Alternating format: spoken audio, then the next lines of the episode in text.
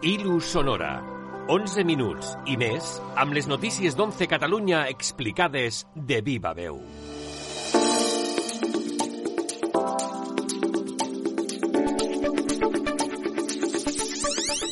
Hola, rebeu tots i totes la benvinguda a Ilu Sonora, el podcast de continguts d'11 Catalunya que enceta aquí la seva edició número 7, corresponent al tercer trimestre del 2022.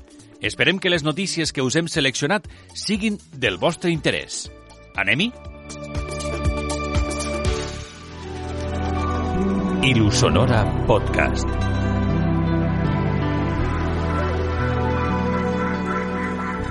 «1.172 estudiants secs tornen al col·le a Catalunya.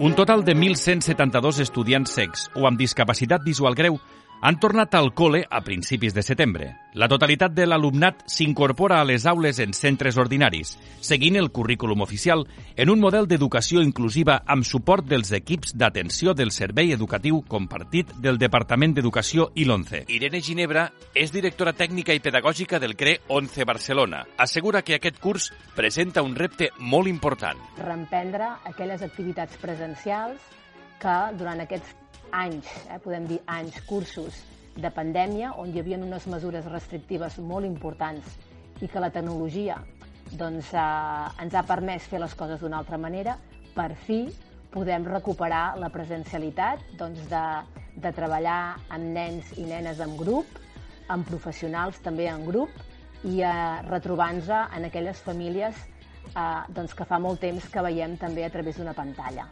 Per tant, amb moltes ganes i amb molta il·lusió. Per a garantir la seva plena inclusió en l'entorn educatiu, els mestres del suport itinerant del Servei Educatiu Compartit entre l'11 i Educació adapten l'atenció educativa als estudiants amb sort ceguesa, ceguesa o discapacitat visual.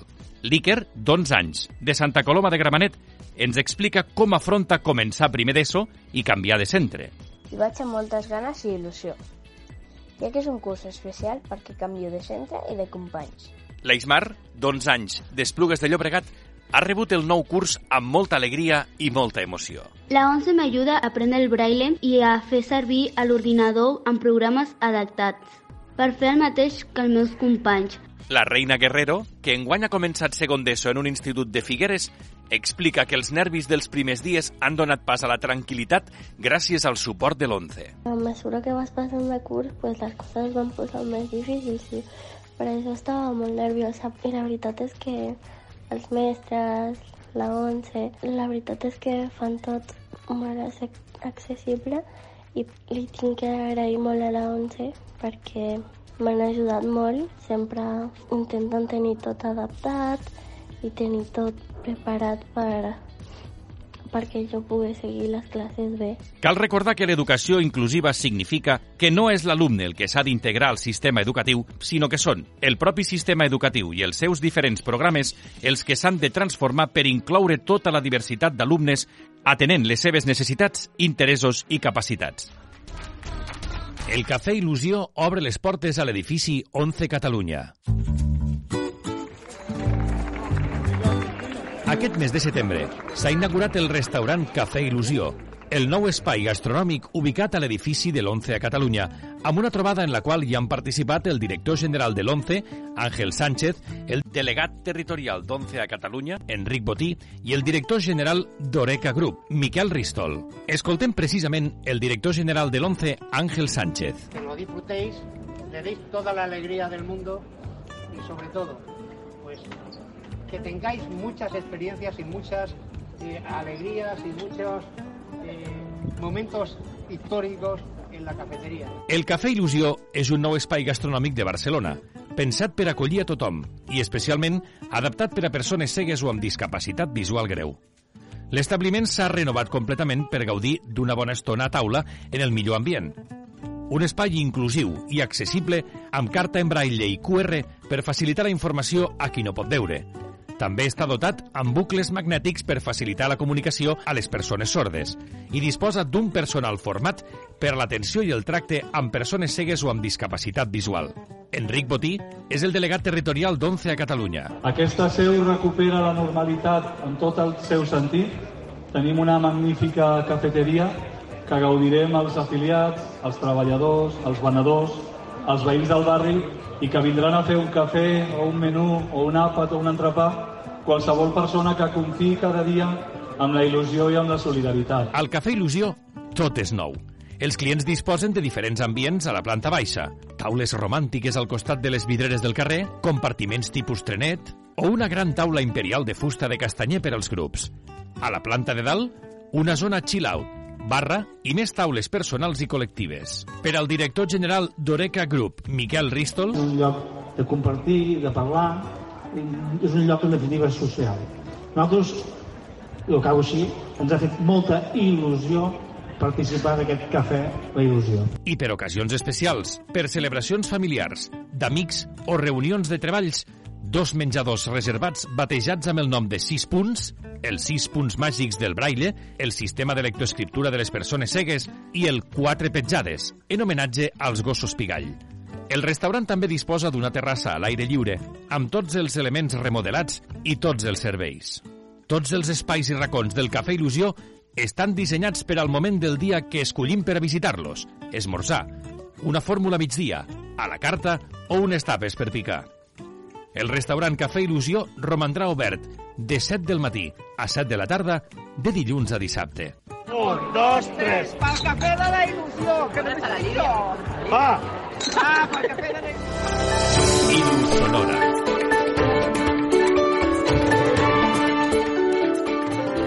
Un veí o una veïna de Montblanc, a Tarragona, guanya 20 milions d'euros amb l'Eurojackpot. L'Eurojackpot de l'11 ha donat 20 milions d'euros a Montblanc, a Tarragona. És el tercer premi més gran repartit mai per l'11 a Catalunya d'aquest sorteig europeu en els seus 84 anys d'història. L'afortunat o afortunada ha guanyat el premi de la primera categoria, 5 encerts més dos sols. La gent venedora de l'11, Eva Sánchez, va vendre la butlleta de l'Eurojackpot premiada amb 20.058.411 euros. L'Eva, persona amb discapacitat com els 2.400 venedors de l'11 a Catalunya, fa 10 anys que ven cupons. Té el seu punt de venda al carrer Major número 49 a quatre cantons de Montblanc, on ven habitualment els productes de la Loteria Social, responsable i segura de l'11. Fa 4 anys va donar un premi de 70.000 euros i es va alegrar molt. Aquesta vegada, però, l'Eva no s'ho podia creure. Me dijeron, enhorabuena, Eva, has repartido 20 millones de euros. La verdad es que no me lo creía. Hubo un momento que le dije, esto es una cámara oculta, ¿me, me estáis gastando una broma? Y me dijo, no, no, que has repartido 20 millones de euros en el Eurojackpot. Es que no me lo creía, la verdad. Y luego me llamó la directora de la 11 de Tarragona, me estuvieron llamando de la 11 de la prensa pero es que todavía no lo asimilo. La verdad es que me cuesta asimilar que he repartido 20 millones d'euros. Montblanc pertany administrativament a l'agència de l'11 a Tarragona, que té una plantilla de 178 venedors i venedores i presta atenció personalitzada a 793 afiliats i afiliades. L'Eurojackpot es comercialitza a Espanya i en altres països de l'espai econòmic europeu. Consisteix a encertar 5 números de 50 possibles i dos sols entre 10. Aquest estiu l'11 ha repartit molta fortuna. A més dels 20 milions d'euros de l'Eurojackpot a Montblanc, els venedors i venedores de l'organització han donat gairebé 2 milions a Barcelona amb el cupó diari, un supersou de 2.000 euros al mes durant 10 anys a l'Hospitalet de Llobregat. I a més, el sorteig extraordinari d'estiu va deixar un segon premi d'un milió d'euros a Platja d'Aro. La sort de l'11 t'espera. Juguem tots i totes. Tarragona acull la primera trobada d'esport escolar de l'11 amb 150 joves secs de tot l'estat.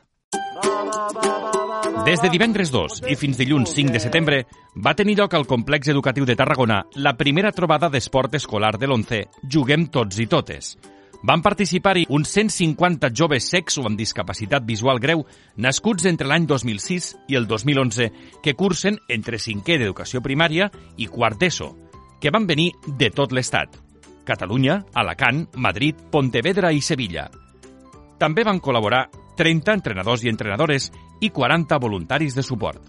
L'objectiu? Un canvi radical de paradigma respecte a l'esport que han de practicar els menors per excloure les activitats competitives, introduint les activitats cooperatives i metodologies més inclusives. Ens ho explica el director del Centre de Recursos Educatius CRE 11 Barcelona, Manel Eiximeno quan parles d'esport sempre parles de...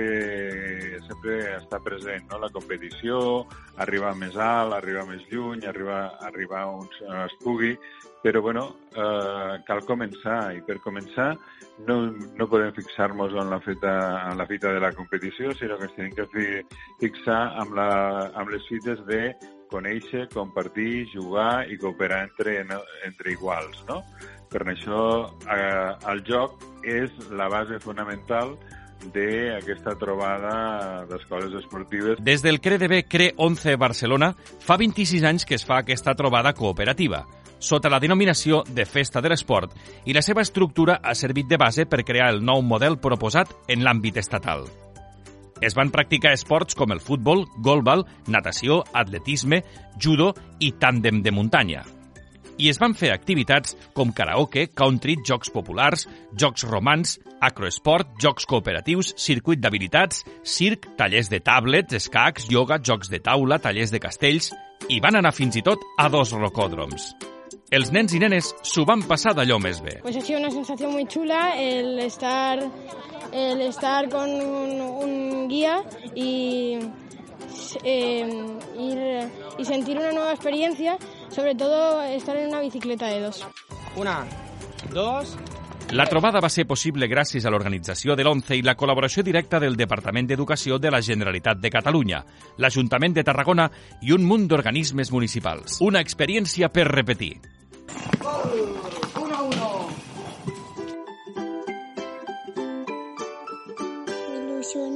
El Museu de Lleida inaugura Avui toca el Prado.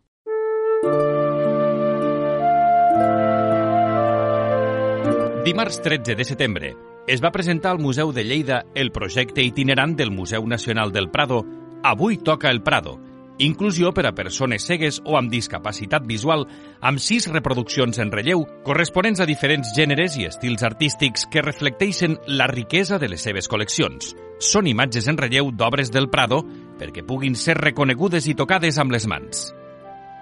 A l'acte van assistir-hi un grup de persones cegues afiliades a l'ONCE, entre elles el director de l'ONCE a Lleida, Marcelino Cid. Ens sentim persones quan podem accedir a la cultura, quan podem llegir un llibre, quan podem en veure una obra de teatre, una,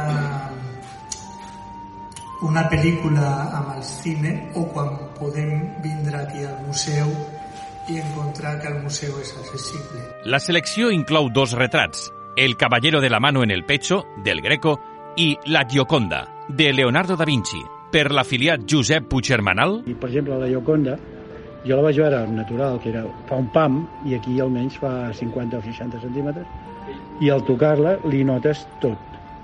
El que passa, els colors no els veig, això sí que ho tinc perdut, però almenys amb el tacte he pogut seguir els tots els quadres i els he reconegut. La mostra de Lleida inclou una reproducció d'un fragment de les pintures murals de la Pia Almoina. L'exposició Avui toca el Prado va ser desenvolupada l'any 2015 per l'àrea d'educació del Museu del Prado, en col·laboració amb tècnics de l'ONCE i professionals amb discapacitat visual.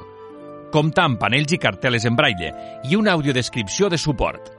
D'aquesta manera, els visitants poden accedir a aquestes obres a través del sentit de la vista, el tacte i l'oïda. En parlen els afiliats Pilar Baeza i Antonio Romero. Me ha gustado mucho tocar todos los las manos, cómo, cómo están todas marcadas, los vestidos todos funciditos, o sea, precioso, me ha encantado. ¿eh? La técnica utilizada para hacer el relieve de estos cuadros es bastante interesante, pues se puede, se puede notar todos los tipos de relieves, tanto de la cara, del pelo, es, son espectaculares.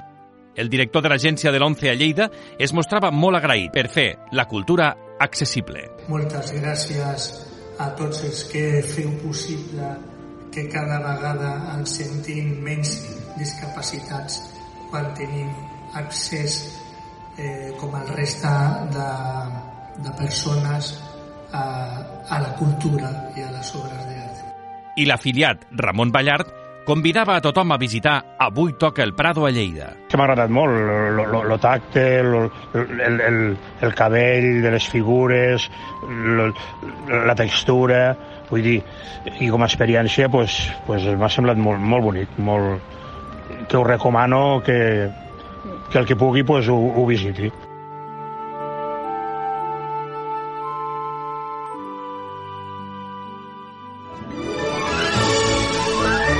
I de moment, fins aquí. No us amoïneu, perquè de seguida tornarem amb més informacions sobre l'11 a Catalunya. Serà, però, a la propera edició d'Il·lus Sonora. Encomaneu-vos, si us plau, de la nostra il·lusió sonora. Fins ben aviat!